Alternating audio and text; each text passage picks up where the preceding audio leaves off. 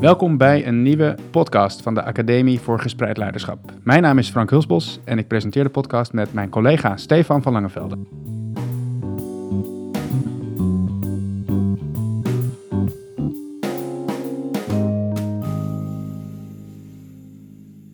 Uh, Stefan, vandaag spreken we voor de derde keer op reis samen met Eefje Thewissen van Take Step. Welkom Eefje.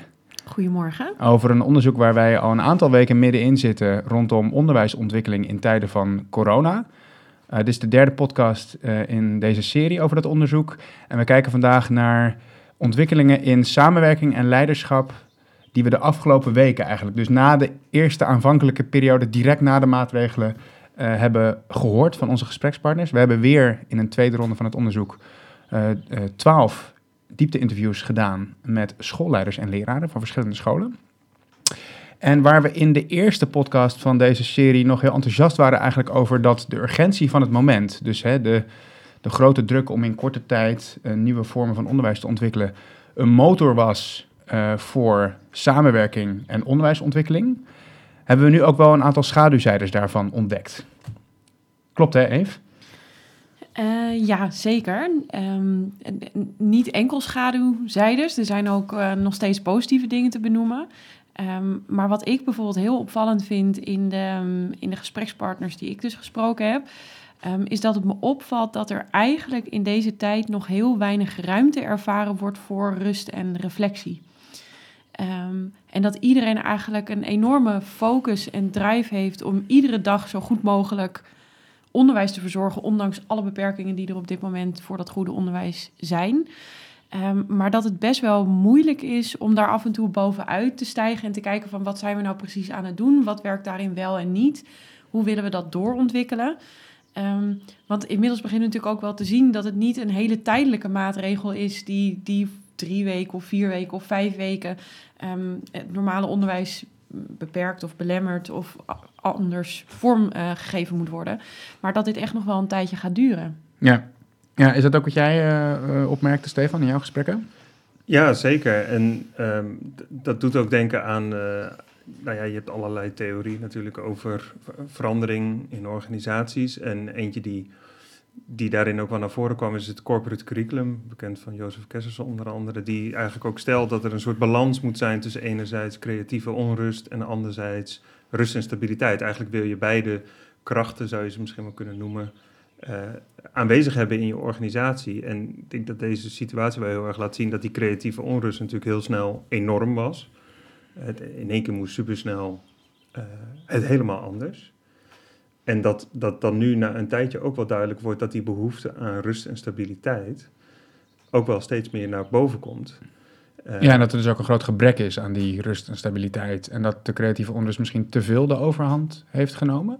Nou ja, te veel, maar dat, dat uh, ja, want dat zou het een beetje in een soort, uh, het gaat niet de goede kant op zetten, maar het, het, gaat denk ik vooral over, wil je nu in deze situatie weer toe naar het verder verbeteren van deze nieuwe, nieuwe vorm van onderwijs, dan is er misschien ook nu wel rust en stabiliteit nodig. We hebben eerst een periode van creatieve onrust gehad en in de gesprekken met scholen wordt ook wel duidelijk dat daar ook wel dus echt een, echt een behoefte aan is bij collega's. Van we zouden wel wat meer stil willen staan. We zijn nu wekenlang eigenlijk alleen maar vooral heel hard aan het werk geweest. En nu willen we eigenlijk ook wel gewoon even stil. Maar Kessels omschrijft die twee factoren, rust en stabiliteit aan de ene kant en creatieve onrust aan de andere kant. Nou, die, die begrippen die behoeven weinig uitleg, maar in het kort dan gaat het erom dat je bij rust en stabiliteit eigenlijk de ruimte hebt om stil te staan en te reflecteren op wat je doet, om tot verbetering te komen. En is creatieve onrust nodig, dus een beetje een gevoel van erop of eronder, zo noemt hij het letterlijk in zijn oratie uit uh, 2001, nodig om tot radicale vernieuwing te komen. En in die eerste podcast hebben het toen niet zo letterlijk genoemd, creatieve onrust, dan hadden we het meer over urgentie. Maar toen spraken we over de urgentie in de eerste week, twee weken na de coronamaatregelen, maatregelen, dat die urgentie, lees creatieve onrust, echt de motor was om heel snel tot ja, eigenlijk een nieuwe vorm van onderwijs te komen. Ik weet niet of het een radicale vernieuwing was, wat er toen binnen die scholen tot stand kwam. Het was natuurlijk eigenlijk gewoon een vertaling van het fysieke onderwijs naar een online omgeving. Ja, een vernieuwing zou... Een vernieuwing zou misschien wat ver gaan, maar ja, dat het was in ieder geval een verandering die binnen een hele korte tijd, veel sneller dan normaal gesproken, tot stand kwam. En waarin iedereen ook meeging en waar heel veel mensen ook een bijdrage aan leverden. Dus daar was de urgentie, de creatieve onrust van het moment, wel echt een motor voor verandering. Ja. Toch? Ja. ja, want dat is natuurlijk belangrijk om te stellen dat bij vernieuwing dat impliceert beter. En dat is nu natuurlijk niet het geval. Het is anders. Het is, het is een verandering. Het is, we moeten in een nieuwe context onderwijs vormgeven dat niet optimaal is. Uh, dit is niet hoe scholen het zouden willen doen. Dus ze zien het ook niet als een kans nu van we kunnen ons onderwijs nu eindelijk eens verbeteren of vormgeven op de manier waarop we het eigenlijk altijd al hadden gewild. Het is natuurlijk, maar het is wel een verandering en eigenlijk zie je dezelfde krachten precies spelen inderdaad, die, die, die ook beschreven worden in het corporate curriculum. Nou, en ik vind ook nog wel iets interessants te zeggen eigenlijk over die creatieve onrust. Want dat is altijd een woord waar ik best wel vrolijk van word. Omdat er niet alleen onrust in zit, maar ook juist dat creatieve benadrukt dat er een soort van energie van uitgaat. Dat je zin krijgt om dingen aan te pakken of te veranderen. Of, um, en als ik kijk naar de gesprekken die ik nu de laatste weken met veel docenten en schoolleiders heb gevoerd, dan merk ik daarin wel echt verschil. Dus ik spreek docenten die, waarbij ik echt die creatieve onrust um, proef, die het echt zien als een kans om nou ja, zich in die hele digitale wereld zichzelf eigen te maken, die ineens mogelijkheden zien uh, om leerlingen nou, hele gerichte persoonlijke feedback te geven in die digitale omgeving, uh, die zien dat ze veel sneller kunnen communiceren met leerlingen, uh, die zien dat ze um, nou ja, eigenlijk allerlei ook wel positieve ontwikkelingen waarvan ze ook wel schetsen. Ik hoop dat ik die straks kan integreren in mijn fysieke omgeving, want het brengt me iets. Dus daar proef ik een creatieve onrust. Maar daar staan minimaal net zoveel docenten tegenover, die het volgens mij helemaal niet als een soort positieve onrust ervaren, maar vooral als onrust. En als een nou ja, constante beperking deze situatie om het onderwijs te verzorgen, wat ze eigenlijk het allerliefst zouden willen verzorgen. En dan vraag ik me af of het leidt tot nou ja, eh, waardevolle, bijzondere verbeteringen en vernieuwingen. Of dat het meer een soort van dagelijke onrust is die je voelt, waarin je nou ja, aan het zoeken bent van kan iemand mij helpen om hier weer een soort van ja, structuur of orde in aan te brengen of duidelijkheid te krijgen. Ja. Of, um... ja, het is dus ook wat mij betreft de vraag van die verschillen die jij opmerkt hè, tussen die verschillende docenten. Uh, de een die het meer als creatieve onrust zit en het ook ziet en het ook benut uh, om tot verbeteringen of vernieuwingen te komen. Um, en docenten die het met name als onrust ervaren, waar ze last van hebben en waar ze moe van worden. Hè. Dus ik heb veel uh, gesprekspartners horen vertellen dat er best wel veel teams echt een beetje uh, op, het tand, op hun tandvlees lopen nu op dit moment. Zit dat verschil er nou in dat die docenten die het als creatief ervaren ook meer rust en stabiliteit hebben, uh, waardoor hun creatieve onrust meer in balans komt? Of zijn dat mensen die die situatie gewoon op een andere manier interpreteren en daardoor er meer mogelijkheden in zien? Wat denken jullie? Ja, voor mijn gevoel, de, de mensen die ik gesproken heb, daar lijkt het ook wel een eigenschap te zijn die ze hiervoor ook al hadden. Ja. Dus dat zijn docenten waarvan je zou kunnen zeggen, die kenmerken zich gewoon als ook in, in toen het onderwijs, om maar zo te zeggen, normaal was, ook heel erg bezig waren met, oké, waar zou ik het anders kunnen doen? Hoe kan ik het beter doen? Dus van hen zou ik eigenlijk zeggen dat het een soort, soort houding is ten opzichte van hun werk. Van ik ben gewoon altijd op zoek naar hoe het beter kan in de situatie waarin ik nu in zit. Ja. Dus dan zou ik me afvragen of dat te maken heeft met dat ze rust en stabiliteit in deze situatie ervaren. Maar dat ze misschien meer zelf een soort houding hebben van vernieuwing zie ik niet als iets wat altijd maar spannend is. Maar dat zie ik juist als iets wat leuk is. Bij mijn werk hoort. Of bij mijn werk hoort, ja. En wat hoe lastig ook me altijd iets kan brengen. En zolang ik maar alert blijf op wat het me ook kan brengen, uh, kan ik er altijd een soort van, van rust in, in behouden uh, of ervaren. Ja, ja. ja dus juist van de onduidelijkheid uh, uh, daar niet onrustig van worden, ja. zeg maar. Maar misschien is het wel meer dat. Maar dit, dit is zeg maar vanuit het individuele perspectief beredeneerd. Dat helpt natuurlijk de docent die nu met name onrust ervaart in zijn school niet veel verder. Dat organisationele perspectief van Kessels, waarin je dus niet zozeer kijkt naar hoe een individu het interpreteert, maar waar, waarmee je kijkt naar hoe um, rust en stabiliteit en creatieve onrust in de organisatie als geheel in balans zijn of niet. Um, dat perspectief helpt die docenten die nu onrust ervaren om veranderingen in hun werkcontext te creëren, waardoor ze zich weer meer senang voelen en weer meer ruimte hebben om tot verbetering en vernieuwing te komen. Hè? Dus hoe zou je nou, want je zou best wel kunnen zeggen dat uh, na die eerste week, waarin creatief onderwijs best wel plezierig was en ook wel tot uh, veranderingen leidde, dat hij nu gewoon te veel de overhand heeft, waardoor het op veel plekken vooral als een last wordt ervaren. Hoe zou je nou weer meer rust en stabiliteit kunnen creëren? Ja, je ziet dus ook dat verschillende scholen, denk ik, weer naar andere mechanismes aan het zoeken zijn. Of verschillende strategieën nu toepassen om weer meer toe te bewegen naar die rust en stabiliteit. En ik denk een van de onderwerpen waarvan het zometeen nog interessant is om ook wat, wat dieper op in te gaan, is de rol die op dit moment schoolleiders eigenlijk vervullen. Laten we het nu meteen doen. ja. de, nog één, één punt aan toe te voegen om die later niet te vergeten, is dat ik Um, waar je wellicht in het verleden wat vaker uh, ook op een, um, een, een, goed benutte studiedag of op een, in, een, in een fijn teamoverleg waar je misschien net even boven de materie uitstijgt, in een projectgroep die al heel erg bezig was met toetsing of motivatie of af en toe ook dat soort gesprekken waarin een zekere mate van rust en ruimte voor reflectie was, concreëren.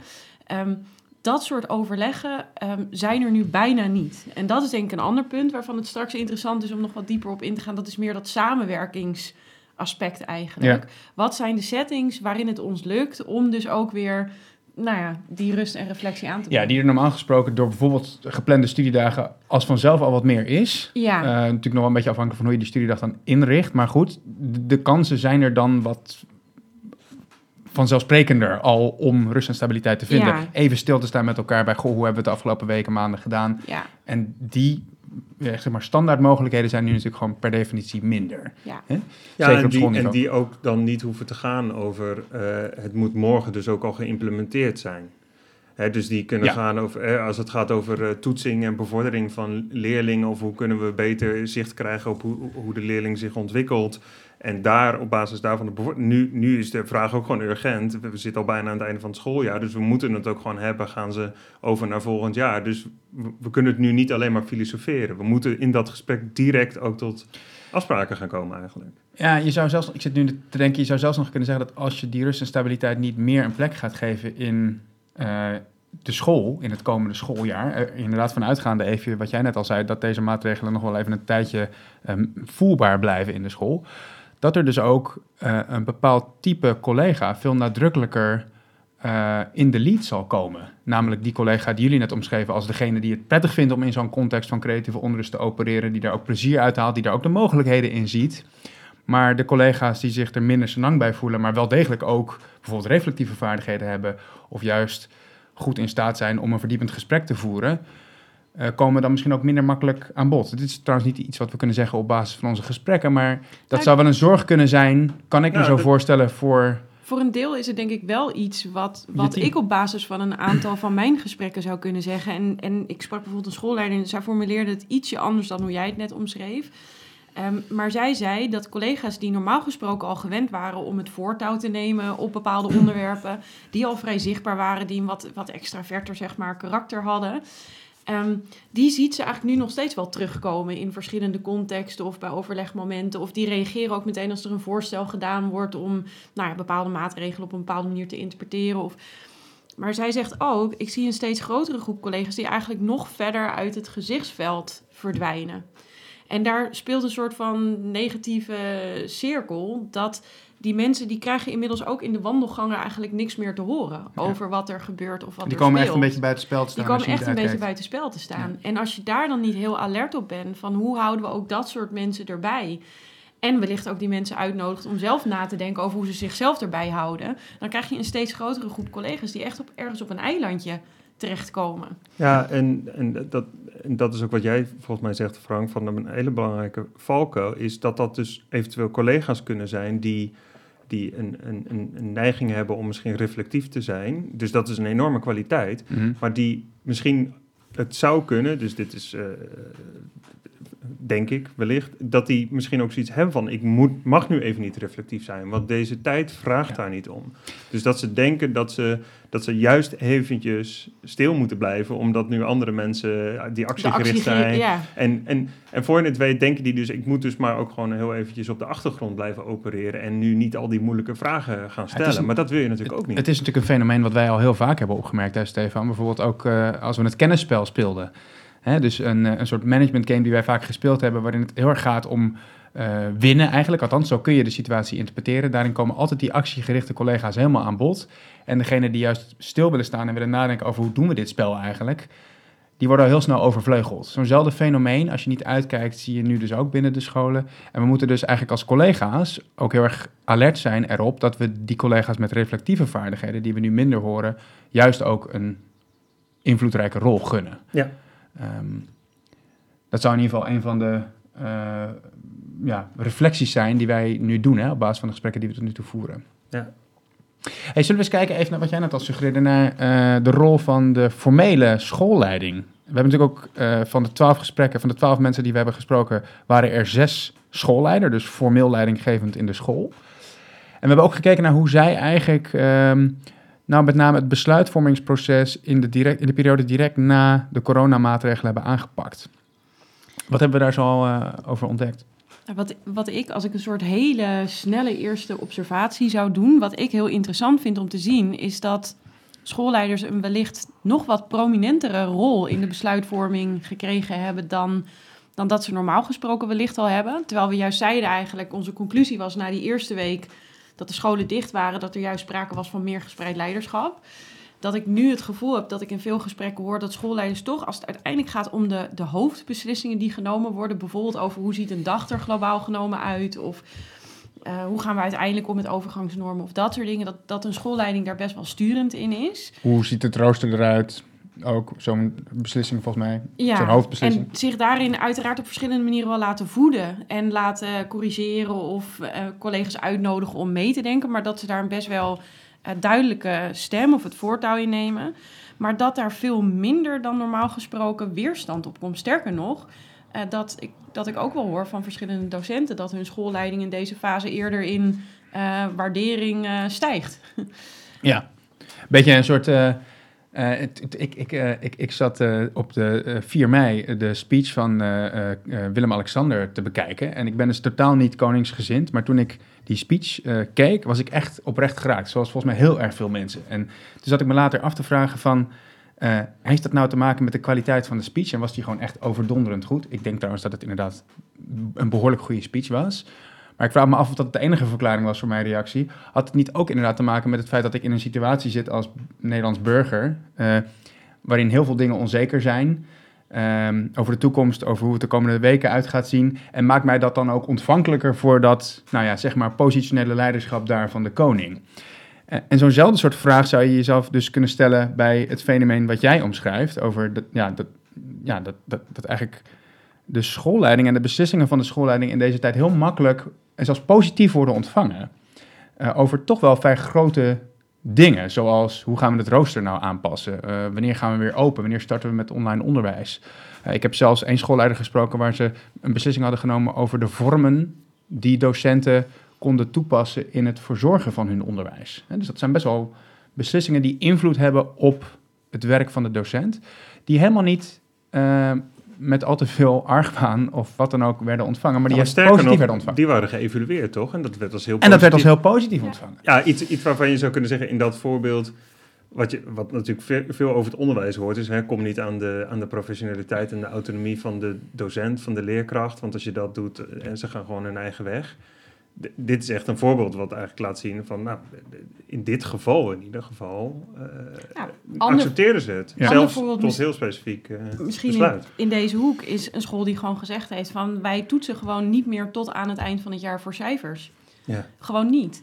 Nou, dat is op veel scholen is dat eigenlijk niet denkbaar. Dat je gewoon, dat je alleen nog maar formatief niks. Ja, is een dit, is, dit is ook, dit is ook zo'n zo prachtig voorbeeld van een beslissing die normaal gesproken als die al genomen zou worden, heel veel voeten in de aarde zou hebben.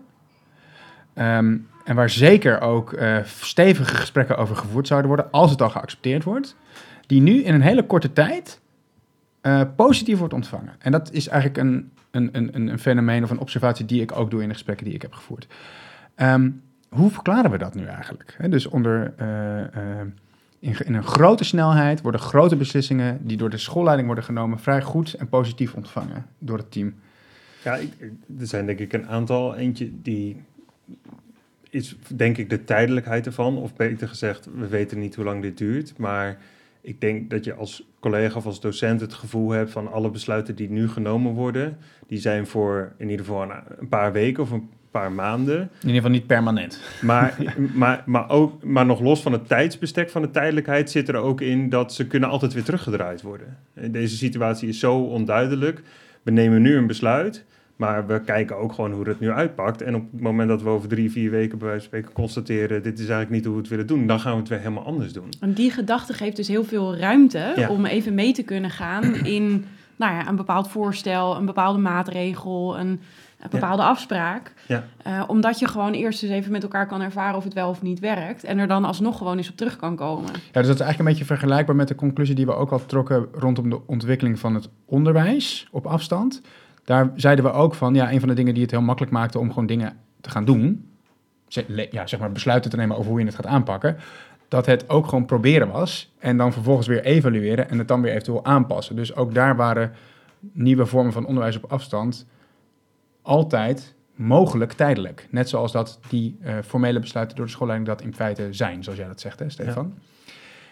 ik, ik ben op veel scholen betrokken die aan het nadenken zijn over nieuwe roosters. En dat zijn normaal gesproken processen waar je wel bijna twee, drie jaar voor uit moet trekken. Voordat je echt met een heel team kan starten met een nieuw rooster waar meer keuzetijd voor leerlingen in zit. Of, um, en, en nu heb je dus eigenlijk nieuwe roosters kunnen maken in nou, twee dagen, al dan niet een week tijd. Ja. Wat, en wat ik nu bedenk, wat daar dus eigenlijk wel interessant aan is, is dat in de situatie voor corona zou je kunnen zeggen, was het perspectief op besluitvorming. We moeten eerst heel goed nadenken, want daarna moeten we een besluit nemen wat soort perfect is voor de aankomende, uh, weet ik veel, vijf jaar minimaal. die gedachten leken achter te zitten. En nu zitten we in een situatie waarin we ineens volledig vanuit een ander perspectief kunnen kijken. Namelijk, we kunnen gewoon besluiten nemen, gewoon gaan proberen. En we kunnen ze dan altijd weer veranderen. Ik vind het zo interessant eigenlijk dat dat zo'n extreem verschil is. Waarom hadden we daarvoor, bij wijze van spreken, niet ook rondom een aantal besluiten gewoon het gevoel van laten we het gewoon eens proberen op het moment dat we merken. En dat kan niet op alles. Ik snap wel dat je natuurlijk niet op je plan van toetsing en, en afronding uh, eventjes maar gewoon kan gaan experimenteren. Zoiets moet voor een aantal jaar staan, want het geeft helderheid. Maar op veel meer aspecten zou je Zo'nzelfde soort mentaliteit of gevoel of ja. Ja, als het bijvoorbeeld gaat over zo'n tijdje ehm, zonder cijfers. Er zijn allerlei scholen die dat overigens proberen, maar ik weet op hoeveel scholen dat, dat iets is waarvan al, alleen al moeilijk is om er een soort pilot voor te starten. Dat ze al zeggen, want dan wordt het dus al geredeneerd in termen van we gaan experimenteren met kinderen en dat mag niet. En, uh, uh, dus dan wordt dat heel erg opgeblazen. Dus die mentaliteit die is, nu, is nu in één keer wel aanwezig, waar die daarvoor eigenlijk nou ja, heel weinig. En je zou kunnen zeggen dat uh, door zo'n beslissing meer als tijdelijk te gaan zien, dat het bevorderlijk zou zijn één, voor de ruimte die mensen ervaren uh, ja, in de situatie die daarna ontstaat. En ook in het weer kunnen veranderen van die situatie. Dus het voelt niet alsof, oh, nu is er iets wat op mij betrekking heeft en op mijn werk betrekking heeft, wat eigenlijk permanent is en waar ik niks meer over te zeggen heb. Dus dat geeft ruimte aan mensen om ook nog invloed uit te oefenen in een later stadium. En het zorgt er ook voor dat je eigenlijk uh, stapsgewijs tot vernieuwingen kunt komen. Hè? het ligt niet vast. We kunnen de dingen nog aanpassen, we kunnen het weer evalueren en we kunnen weer nieuwe, nieuwe keuzes maken eigenlijk. Maar er zit denk ik nog wel een andere factor waar we het nog niet over gehad hebben, die ook maakt dat beslissingen nu makkelijker tot stand mhm. komen of eerder gewaardeerd worden. Ehm, en dat is volgens mij wat ik in ieder geval heel erg wel in het onderwijs terugzie bij veel docenten en schoolleiders, is dat er een, een zekere mate van, ik weet niet of perfectie helemaal het juiste woord is, maar dat een soort continu streven om het zo goed mogelijk te doen. En daarin ook best wel veel verwachten van zichzelf en van hun omgeving en van de school. Ehm, en al heel snel het gevoel hebben dat als, er niet, als niet precies alles uitgedacht is, je wel over de hoofden van kinderen uh, aan het experimenteren ja, ja, bent. Ehm, en nu voelt iedereen, denk ik, dat wat we nu doen is geen ideaal onderwijs. Het is niet helemaal uitgedacht vanuit een groter perspectief dat we denken dat dit het allerbeste uh, is wat je kan bieden op het gebied van onderwijs. Nee, het is een soort van noodonderwijs wat snel tot stand moet komen. Dat gaat dus ook nooit perfect zijn. En omdat je dus niet streeft naar die perfectie, maar gewoon naar een, een tijdelijk zo goed mogelijke oplossing. Um, geeft dat denk ik ook een soort van lucht en ruimte om in dingen mee te gaan, waar je normaal gesproken veel eerder eh, de discussie of is dit het wel of moet het niet net op die andere manier of nou ja, dus veel meer. Ehm, ja, ik denk overigens ook wel echt dat mijn het gevoel wat ik bij de koning had dat dat ook hier speelt hoor. Uh, dus uh, volgens mij is het echt een, een, een, combinatie van factoren die, die dit verklaart. Dus ik, ik denk ook echt dat, maar dat, dat is moeilijk om dat vast te stellen op basis van hele concrete uitspraken van onze gesprekspartners. Dat is denk ik meer een reflectie door mij of door ons. Dat het, um, en dat hoor je natuurlijk ook wel heel vaak, um, dat we gewoon anders naar onze positionele leiders gaan kijken in tijden van onrust en tijden van onzekerheid. Uh, waarom is Mark Rutte zo ontzettend populair in deze tijd? Hè? Waarom gaan zijn populariteitscijfers zo omhoog? En uh, waarom word ik geraakt door een toespraak van de koning, terwijl ik normaal gesproken niks met uh, het, de monarchie heb? Ik denk dat dat hier ook echt speelt. Um, en ik zou ook nog één ding willen zeggen, en dat is echt een waardering voor een aantal van de schoolleiders die ik heb gesproken, dat zij die besluitvormingsprocessen ook althans de schoolleiders die ik heb gesproken, daarvan kan ik dat echt zeggen, dat ze die besluitvormingsprocessen ook echt heel erg zorgvuldig hebben aangepakt. Met uh, eigenlijk een vorm van participatief leiderschap zou je kunnen zeggen. Niet zozeer gespreid leiderschap in de zin van dat je alle mogelijke expertises aan tafel uh, zet en ja, dan samen tot een besluit komt, maar wel participatief leiderschap in de zin van dat je echt alle behoeftes van alle collega's in de school meeweegt in je beslissing. En dat eigenlijk de beslissing die daar dan uitrolt, voor een bepaald rooster of voor het moment waarop je start met online onderwijs ook echt voortkomt uit, of echt gedragen wordt, zou je kunnen zeggen, door de hele school. Maar, interessant genoeg, dat zou in een normale situatie toch echt wel, zeiden zij, meer tijd kosten dan dat het nu heeft gekost. dus zelfs als je dat zorgvuldig en netjes en met oog voor iedereen in een normale situatie zou optuigen, dat besluitvormingsproces, zou het veel meer voeten en veel meer tijd met name hebben gekost. Ja, en daarmee uh, introduceer je misschien ook wellicht nog een laatste factor. En dan weet ik helemaal niet of ons lijstje compleet volledig is. Uh, maar dat is de snelheid waarmee nu continu beslissingen genomen moeten worden. Waardoor denk ik ook iedereen wel een soort yeah. van. Uh, ja, ik weet niet of respect ja, helemaal het juiste woord, maar, maar gewoon snapt. Ja. dat er door dat iemand. Het gedaan moet worden. Dat het gewoon gedaan moet worden. En, dat is, en, dat is, en dat, is, dat is helemaal begrijpelijk. En tegelijkertijd denk ik dat het ook verstandig is om daar alert op te blijven. Dus dat je wel tegelijkertijd kritisch blijft. Uh, net zoals dat, er, dat het nodig is dat er, uh, uh, dat er media is die de besluitvormingsprocessen van de regering blijft controleren. Weet je? Want we als burgers ook kritisch blijven over de coronamaatregelen die worden getroffen. En zijn die proportioneel? En dus het, het, je moet, het is begrijpelijk dat je in zo'n situatie als deze ontvankelijker bent en positiever reageert op dat soort positioneel genomen besluiten. En tegelijkertijd moeten we daar natuurlijk ook gewoon uh, uh, ja, nou, over blijven nadenken. Ik weet niet hoe dat bij jullie werkt. Alleen als ik kijk naar mezelf, dan um, die tijdelijkheid is wel aan het opschuiven. Waar ik ja, aan het begin van de situatie dacht van nou, dit is een paar weken en dan ga je nu natuurlijk ook wel in het onderwijs zien dat als die anderhalve maatregel echt voorlopig nog wel van kracht blijft, dat, dat een andere vorm van onderwijs, of in ieder geval een soort hybride vorm waarin ook veel op afstand moet plaatsvinden, echt nog wel maanden, al dan niet uh, een jaar tot anderhalf jaar, uh, aan zou kunnen houden. Wat zit jij te denken, Stefan? nee, ja, ik denk dat daarin zit ook nog wel, denk ik, een valkuil die we misschien wel een, al een beetje benoemd hebben eerder, maar die we toch ook nog wel zien. Dat dus uh, er, het lijkt nu wel op scholen waar het in de begintijd heel erg gespreid was, het leiderschap zou je kunnen zeggen. Mm. Veel collega's die staan op die een expertise hebben om vorm te geven aan deze nieuwe onderwijs.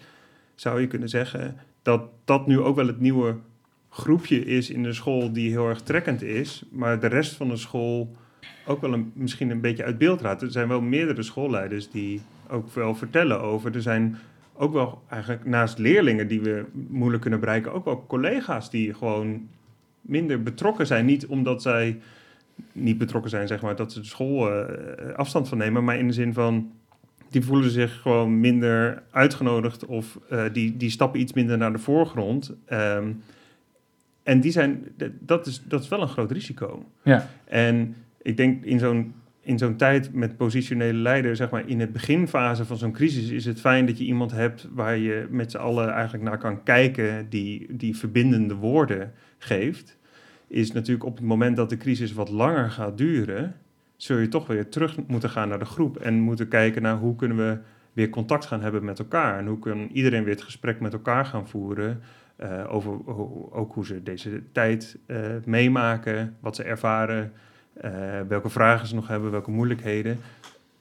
ook om zicht te krijgen op hoe gaat het eigenlijk met iedereen. Want ehm, dat is denk ik het risico van positioneel leiden. Dat dat, dat dat de enige plek wordt waar je dus nog met elkaar eigenlijk naar kijkt. Zeg maar. Ja. En nu zit er dus in scholen denk ik ook dus een behoefte van we moeten weer, uh, we moeten weer verbinding met elkaar gaan leggen.